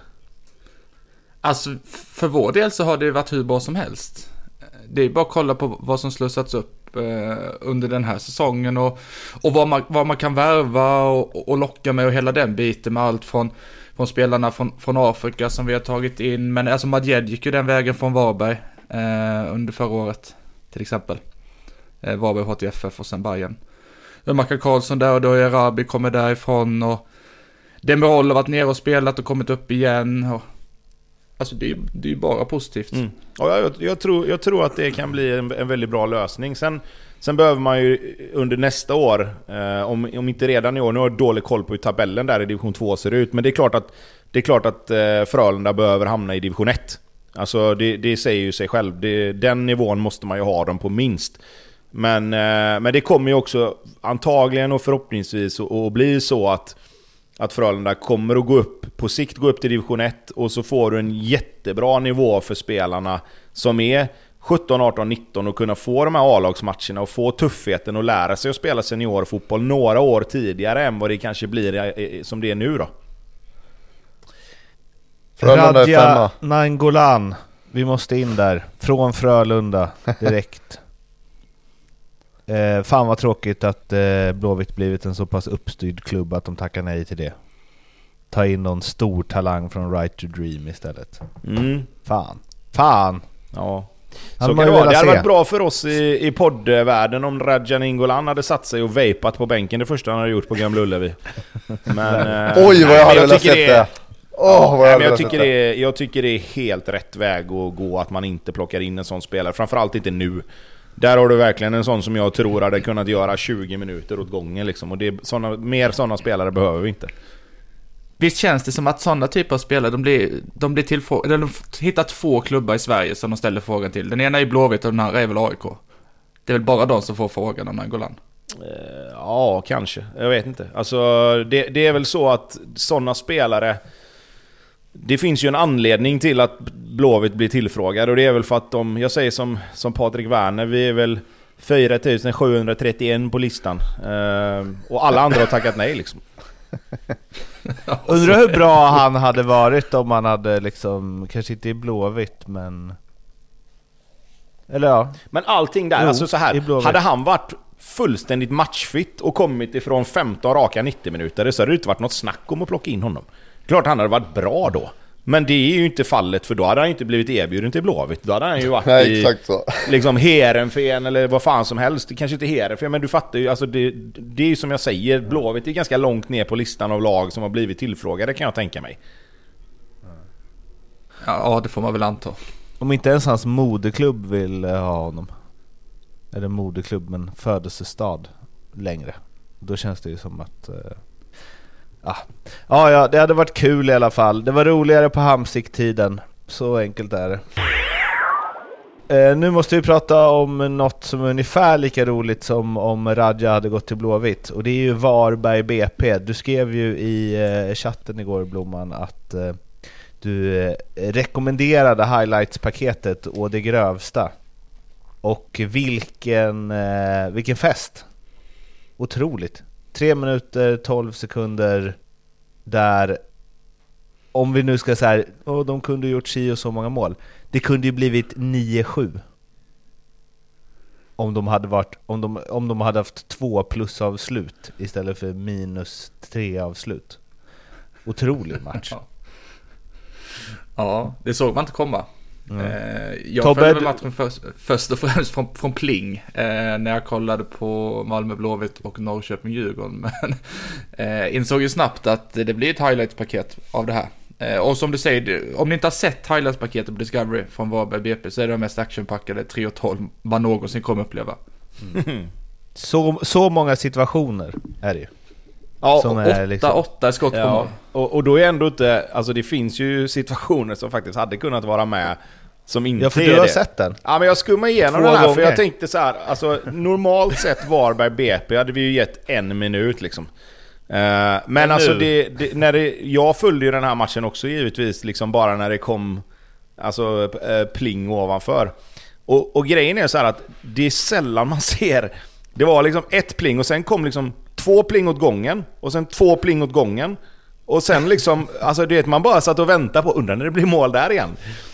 Det var ju lite så att plinget typ inte hade täckning. Och sen så blev det täckning och då bara skulle allt Eller hur? direkt. Eller du vet som när man, när man skickar ett meddelande och så står det att meddelandet inte har skickats, så skickar man det igen fast det egentligen har skickats. Så Det, var måste liksom ju så- vara någon så här att de bara, um, den som liksom slussade vidare ut, för jag antar att det finns någon form av filter, måste ju tänkt så här. Ja vänta nu, skicka, alltså, vilka, vilka var det som gjorde mål? Dubbelklicka liksom. Det var den här gamla Nintendo-kontrollen där du bara kunde hålla inne knappen och så bara sprang den automatiskt liksom. Ehm, men det, nej nej, alltså jag, som sagt, jag satte ju mig och skummade igenom den här matchen för jag tänker att det måste ju finnas mer än det som bara var i highlights-paketet. Och det där highlights-paketet hade egentligen kunnat vara i alla fall en minut till, tycker jag. Eh, det var ju kanske inte några supermålchanser man missade utöver det, men det är ju fortfarande mycket som händer. Eh, det är en hel del rätt dråpliga situationer som hade kunnat vara med också. Men, eh, nej men alltså, jag ska säga så här, vi har klagat på Varberg och, och liksom, jag har verkligen gått hårt åt Varberg, men det här är fan starkt gjort ändå. Eh, att i den situationen de är när man när man då hamnar i underläge med 1-0, att sen vända. Sen hamnar de i underläge 3-2 igen och där hade ju Varberg kastat in handduken om, om de hade varit som, som de andra matcherna liksom. Eh, Men att vända igen där och sen hitta ett 4-3 mål i, i 85 jävla fint mål av, av Linner också. Eh, Det är fan starkt med tanke på situationen de är i och hur det har varit de senaste månaderna och hela säsongen liksom. Så att fan, jävligt bra gjort av Varberg att lyckas lösa den vinsten. Kommer det betyda någonting? Nej, det tror jag inte. Eh, inte mer än att de upprättar sin heder lite grann. Kommer det betyda någonting för BP att tappa den här trean? Det tror jag. Det tror jag. Den, eh, den var tung för dem tror jag. För nu är det som vi sa, skulle de förlora mot Blåvitt eh, så är de, då är de också lite illa ute alltså. Så att, eh, ja, vi får ju se hur, hur, den, här, hur den här matchen, liksom den, den betydelsen den har för, eh, för tabellen när, när, när det börjar vankas början på november här sen. Vi gnällde ju på att BP inte gjorde målet och nu gör man ju tre mål visserligen men alltså det, jag kan inte förstå att man åker till Varberg och, och liksom slarvar bort det på det där sättet heller. Eh, 2-1 målet, det är bland det sjukaste jag sett. Först eh, är det Sögaard som, som vurpar, det blir friläge, Krasniqi tar för lång tid på sig, sen tror jag Lirs Holm som kommer liksom i kapp. Han kör en typ överstegsfint istället för att sparka bort den och så, ja, 2-1. Det- det är Overkligt Ja, ja. mål. Han- Helt han overkligt missar, Han missar ju bollen liksom. Eh, nej men så är det ju. Det är klart att det är klart att BP eh, kommer titta på den här matchen och bara hur fan släppte vi in fyra mål i den här matchen? Eh, och, och kommer titta på sin defensiva insats över hela plan egentligen, kommer man ju behöva titta på. För att eh, mycket kan man ju säga om Varberg, men det är ju inget tiki-taka-lag liksom. Alltså de kommer ju inte, de kommer ju inte spela 50 passningar och sen liksom trä in en boll och göra mål, utan det är ju... Det är rätt mycket, rätt mycket Eh, som är dåligt liksom eh, i, i BP's lag i den här matchen. Alltså offensiven är ju bra. Det, det går ju inte att ta ifrån dem liksom, men fan alltså de är riktigt skraltiga bakåt. Och det, det, det är tyvärr det som kommer kosta dem den här säsongen om de inte skärper till sig. Liksom. Alltså, offensivt så är de bra. De har ett jävla fint spel och de skapar rätt mycket målchanser, gör en hel del mål som vi har pratat om. Men det hjälper ju inte om du är så, så bedrövlig bakåt liksom. Och nu börjar det bli rätt många sådana insatser. Och som jag sa, liksom, att nu är det liksom för varje match som går här nu där det här fortsätter att bara liksom rasa, så de måste fortfarande ta sina två, tre segrar på de här matcherna som är kvar för att vara helt safe. Och framförallt, som, nu kommer vi dit igen och det blir som en trasig skiva, men skulle de förlora mot Blåvitt, då, är de ju, då kommer de ju dessutom känna flåset från de lagen bakom. Det har de ju inte riktigt gjort ännu. Så att nu är, det, nu är det lite upp till bevis för BP om de verkligen är så bra liksom som, som alla vill ha det till. Tobias Linderoth klar som ny tränare för Varberg inför nästa säsong. Mm. Bu, bä. Jag tror att det är, jag tror det är jättebra för Varberg. Um, Tobbe är ju en, alltså han förespråkar ju en ganska, eller lite, lite rakare fotboll. Sen är det inte den fotbollen som han spelar i Skövde som han egentligen vill spela, utan det har ju varit en anpassning till materialet. Ehm, men jag tror att Det är väl en styrka det med. Ja, verkligen. Men eh, väldigt, eh, kanske påminner lite om Jocke Persson också. Väldigt sådär engagerad i, i, eh, i personerna och väldigt pådrivande och väldigt krävande. Han kräver ju enormt mycket av sina spelare i, i liksom eh, arbetsinsats och, och, och den delen. Så att, eh, jag tror det kan vara en, en bra match. Men det kan inte varit ett så eftertraktat gig ändå, eller? Ja, jag vet inte, men han har väl haft ganska mycket bra erbjudanden vad jag har förstått. Men det är en familjesituation i Borås Hur fan landade Ja, okej. och sådär. Så att eh, pendlingsavstånd är nog att föredra skulle jag tippa på. Men eh, finns det någon procents chans på en Great Escape på Varberg? Nej, det gör det inte. Nej, det tror jag inte. De är för långt bakom. Och nu har ju dessutom lagen ovanför ändå börjat ta sina poäng liksom. Fan. Sirius är nästa, då har de max 6 poäng med tanke på att AIK möter Degerfors. Så är det max 6 poäng till, till Nej, du kvar. kan glömma det. Kalmar-Mjällby, en 0-2 Tom Pettersson hjälte allsvenskan när den är som allra bäst. Och Fenger. En balja. Fin han är på huvudet, Fenge. Ja, för helvete. Har du, ni har ju sett den bilden Lasse skickar va? Ja. Ja. Ja, Säg inte att, ja, är det är det? bra. Det är bra. Det är bra gjort av Fenger. Absolut. Friedel ska ju ta den också. Men så här. Det är för fan, vad- hur många spelare är det på den bilden? Det är typ sju eller åtta Kalmar-spelare fem mot en. Åtta stycken. Åtta mot två är de. Åtta Kalmar-spelare i bild mot en. Och då har du dessutom Sätra där inne i mitten liksom. Alltså det är... Alltså... Det är, Henrik Jensen kan ju sluta lägga ut statistik och så kan han ju peka, ge dem den bilden och säga vinner vi matcher om vi försvarar oss här? Nej, det gör vi inte. Nope. Alltså inte ens jag som forward kan tycka att nej men vad fan vet du vad, det här var, det här var ändå liksom så här bra gjort av Fenger. Det är bra gjort, men fan i helvete vad dåligt de försvarar sig, det är helt sjukt. Fast är man, är man typ fem mot en i straffområdet så tror jag bara, bara jag tror att de tänker, ja men han kommer inte kunna göra mål här, vi är ju för många. Nej nej, och sen kan man, sen kan man ju vända på det. Varför i helvete slår Herman Johansson in bollen ens? Nej, det, Alltså vad tror han ska hända liksom 99 gånger av 100? Men han bara nej nej jag sätter den på huvudet på Fenger där. Han kommer fram in, in framför Säter och så har vi 1-0 här. Det är, det är 2-0 här, det är lugnt. Men det är väl framförallt, alltså det är dåligt av Kalmar alla liksom så, men det är väl, det är väl fram, det är ju Sätra som det är katastrof från. Han kan ju inte bara stå och vänta på den bollen. Nej, det är klart han Nej, inte det är, klart, det är klart han inte kan. Men, men jag tror lite grann så här som Lasse säger, att de tror inte att det ska komma ett inlägg här ens. För att de är så många och mot en som är själv. Att de tänker väl likadant som vi gjorde, varför slår han in den?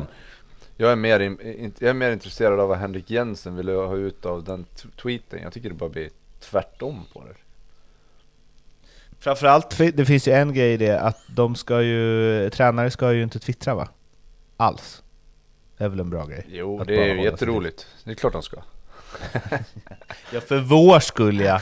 Alltså, men det är ju att eh, tränare som twittrar är ju som att värva Radja till Blåvitt. Alltså det är ju samma. De kommer aldrig vinna något på det. Men fortsätt gärna med det, så vi har något att prata om. Ehm, han känns också som att han... Uh, fan, nu vill jag in och... Vi klipper här. Nu vill jag in och kritisera Rydström också för att han är så jävla skön i media fortfarande. Eh, nej men Jensen känns väl också som en sån som inte är sån, väl? Eller har han blivit det nu? Jag tänker att han är en smart strateg, typ. Ja, jag vet Men jag, ja, jag vet fan alltså. Jag, jag, jag kan bara tycka det blir lite... Det blir lite... Jag vet fan. Det, det är klart att tittar man på matchen utifrån hans sätt att se det då som han skriver att som tränare måste man titta på prestationen mer än på resultatet och med de här, den här statistiken så vinner man fler matcher än man förlorar. Jag bara ja, jo det är väl sant i och för sig. Men hur många gånger kan man liksom gömma sig bakom det? Alltså... Det är väl fortfarande så här att ni förlorar den här matchen med 2-0. Och that's it liksom. Spelar väl fan ingen roll hur många skott ni har. Jag kan, Alltså, nästan, bli, jag, jag kan som- nästan vända på det och tänka bara, men om ni är sådär bra, då är det ännu sämre att ni förlorade. Det, är, ju- Ja men lite det så. blir sådär, bara statuera ex, exempel på något vis. Det, fan vad dåliga vi var om vi hade sådär Ja, mycket boll och för mig sådär. blir, ja, men, ja, och för mig blir det så här, vet du vad? Den här matchen borde vi ha vunnit så det här var inte mitt fel. Nej det är klart. Nej men det är ju det, det är aldrig någon som Det är twittrar det, det är ju aldrig någon som twittrar det vid vinst. Nej. Att så här. Min Ja, gameplan var bra. bra, Eh, spelarna lyckades inte utföra den riktigt, därför förlorar vi. Så blir det lite. Det är bara att hoppas att de inte har Twitter. Eh, första målet är fantastiskt också, för övrigt. Det är ju eh, också eh, konstigt på försvarsspel och konstigt anfallsspel. Dubbel nickskarv, någon karatespark ner i marken och en eh, Tom Pettersson som ligger raklång i luften. Underbart! Eh, Mjällbykänslorna väcks va Blomman? De är intakt obefintliga. De är intakt obefintliga, det var bra sagt. Ja, det, blev, gillar ja, det blev också en, en Ja, meningsuppbyggnad det som var- är två plus. Det, det är fel, fel blev rätt där. ja, exakt. Nej, Halmstad- de lyser med sin frånvaro. Halmstad-Sirius, vad har ni för intakta känslor kring den? Nej, inte jättemycket Ja, att faktiskt. Cooper Love eh, har haft Det har varit, jag har gått sånt troll i det, det har varit helt omöjligt för honom att göra mål och sen bränner han en jättechans i den här matchen också och så tänker man att nej, det blir ingenting. Sen eh, så gör han till slut sitt, eh, sitt första mål för Halmstad där i Allsvenskan och nu kan Nu kommer de nog ha nytta av honom. För det är en målskytt och, och målskyttar behöver lite självförtroende och det, tror att eh, det kommer bli en, en hel del kassa det här sista omgången. Ahlstrand undvek väl också det solklaraste röda kortet vi har sett eh, den här säsongen. Alltså nu blir jag sådär igen, Satte men dom. Alltså hade det varit jag, Vad är det nu? då hade jag fått två röda för det där. Strand då? Är det, det, det har ryckt licensen ja, typ? så. Ja det är, so, det är, det är solklart. Lasse 22, 10 matchers avstängning. Ja, fyra lätt. Degerfors, eh, Häcken. Vad håller BK Häcken på med egentligen? Vad är det för jävla förluster det här? Nej men jag satt och kollade lite grann på, om man då bortsett från Aman eh, som kanske man skulle kunna räkna som en startspelare så är det sju, om, om man räknar med honom då är det sju nya i elvan. Eh, som vi inför säsongen inte, antingen inte hade sett i Häcken eller som vi inte räknade med som som, eh, som startar liksom. Så de har ju haft en enorm omsättning på spelare. Eh, sen tycker jag ändå att det är tillräcklig kvalitet i de spelarna de har på planen för att de ska kunna göra mer och bättre. Eh, men det är helt klart så att, eh, att eh, Häcken har en, en dipp och har inte riktigt eh, lyckats med, med det här Europaspel kontra allsvenskt spel. Mm. Ja, jag, jag hör dig, men det är ju, jag tycker fortfarande det är värdelöst att man inte lyckas göra det som svenskt lag. Men de har inte lyckats. Nej, och oavsett hur många spelare som är nya, så den startelvan som Häcken ställer ut mot Degerfors ska vinna den matchen 9 gånger av 10 oavsett. Men då är vi där igen, att när man inte är van att spela i Europa så blir allsvenska matcherna... Det blir så här att när du spelar Europamatcher så är det dem du ser fram emot. Och så blir allsvenskan lite sekundär och när Häcken då plockar bort 10% från varje gubbe, lite grann i inställning, i att man kanske underskattar lag lite grann. Det här löser vi, det här är inga problem. Sen när man börjar prata om det, alla andra pratar om det, då blir det en vald sanning att de här allsvenska matcherna kommer bli svåra mitt emellan alla eh, Europamatcherna. Och det är mer eller mindre likadant varje år. Liksom. Det, det är ytterst få lag det är Malmö möjligtvis, men även Malmö har vi suttit och pratat om att de har tappat konstiga poäng mellan Europamatcher.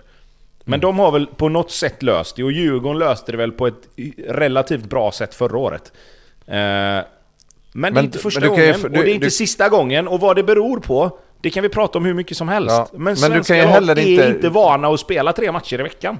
Men du säger det laget som, som Häcken ställer på banan ska ändå vinna. Ja det kan jag visserligen hålla med om. Men du har, du, alla tre där framme är nya i stort sett. Sanna är tillbaka från skada.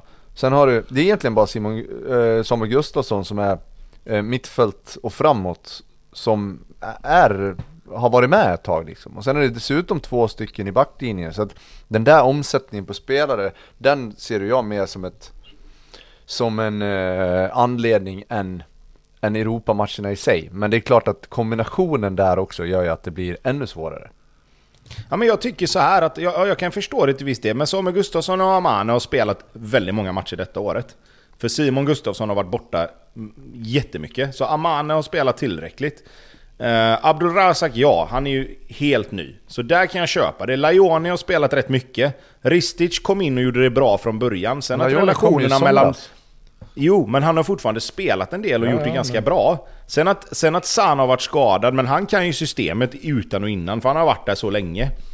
Eh, sen att det liksom är tre spelare som inte har spelat ihop så mycket och att relationerna... Men det man har berömt Häcken för också, det är ju att de har ett så systematiskt spel att så här ska vi göra. Alla kan komma in och spela, alla vet exakt vad de ska Om göra du i sina byter positioner. två ja, eller om du byter och, och resterande har full koll, då funkar det. Men inte om du byter sju.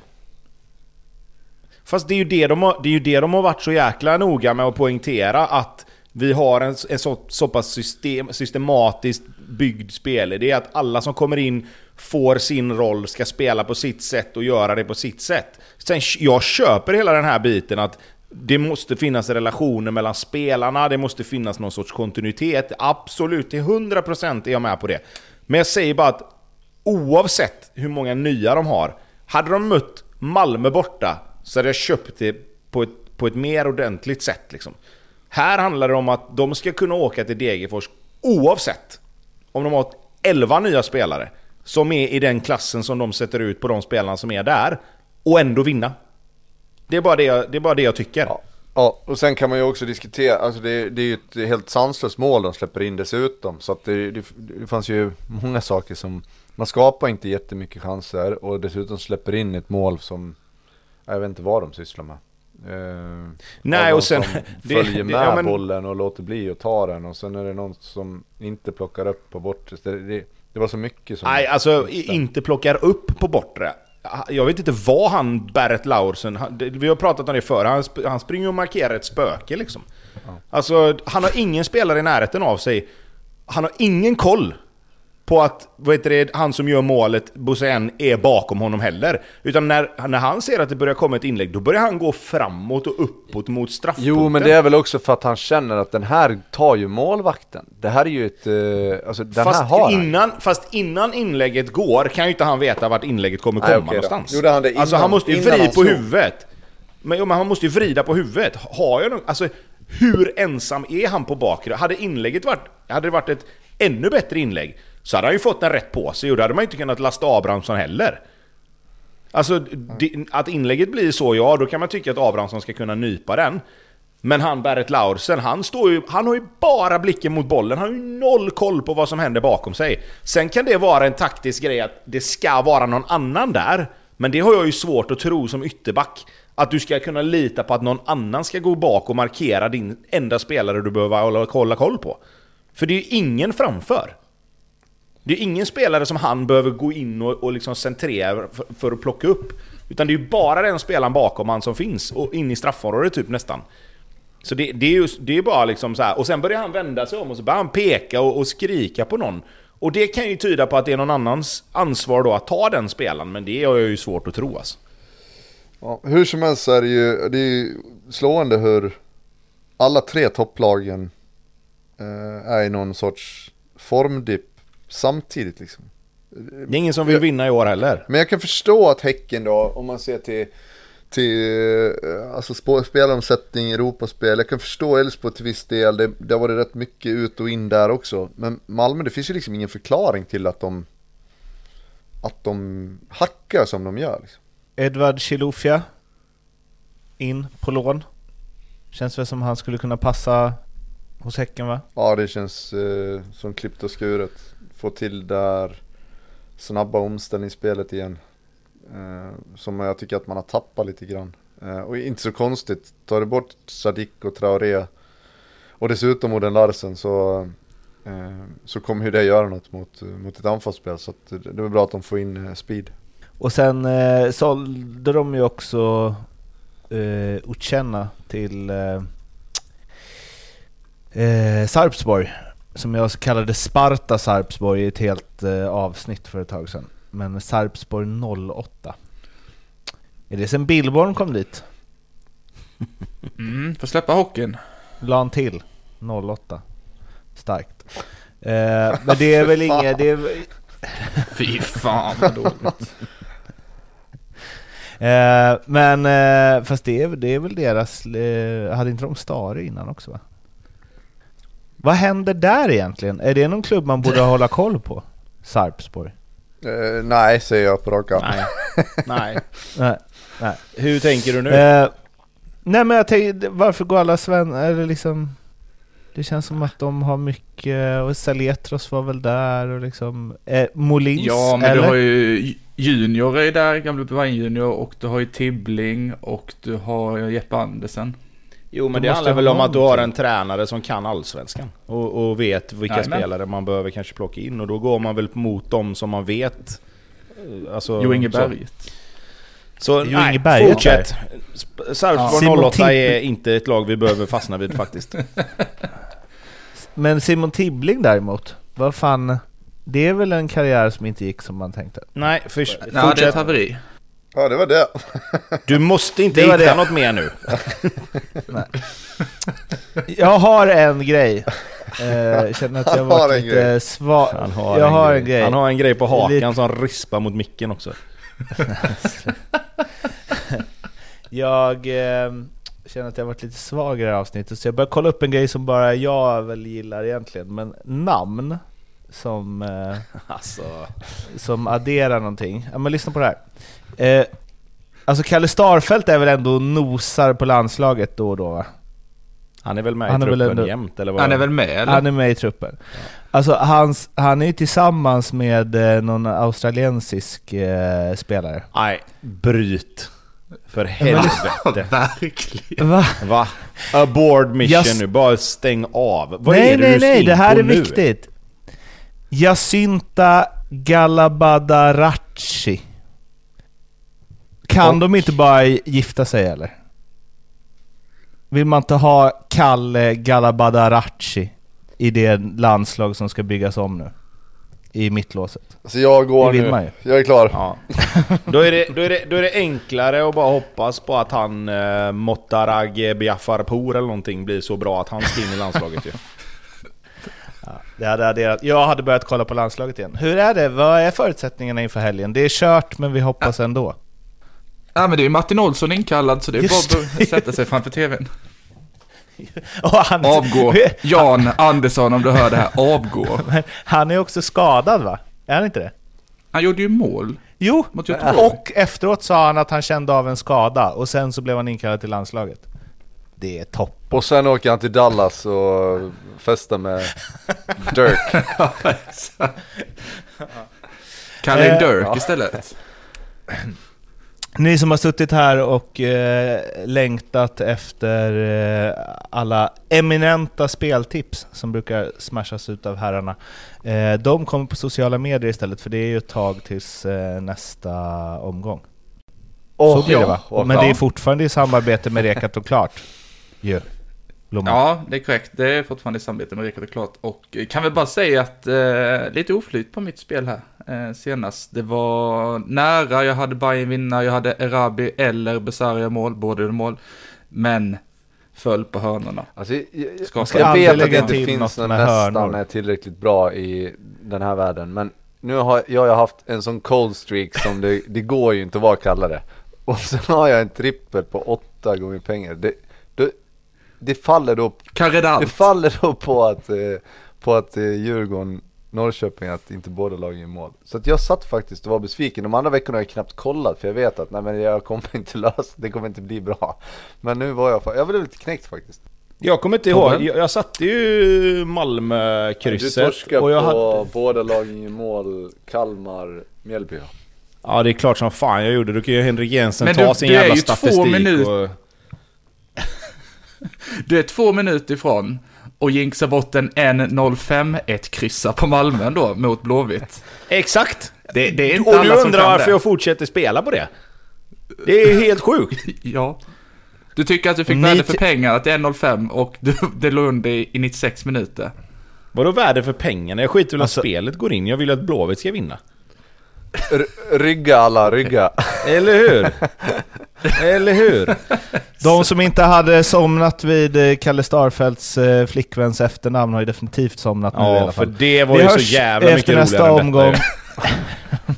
ja, det skulle Ja. jag. Vi kanske har en poll på det. Jag tror jag vet vilka som vinner.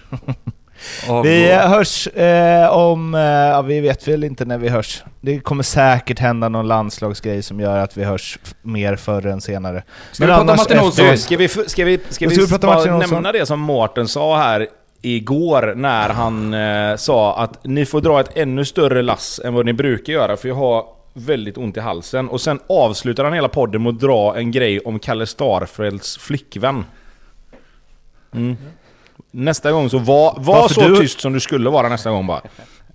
Ba- bara för du hatar damfotboll. Jag vill nog för det hade ju mycket med saken att Eh. göra när du nämner hennes namn. Ja, du visste inte vem hon var innan, eller hur? Utbildande, kände jag att jag var. Vi ses nästa vecka, ha det bra. Hej, hej då.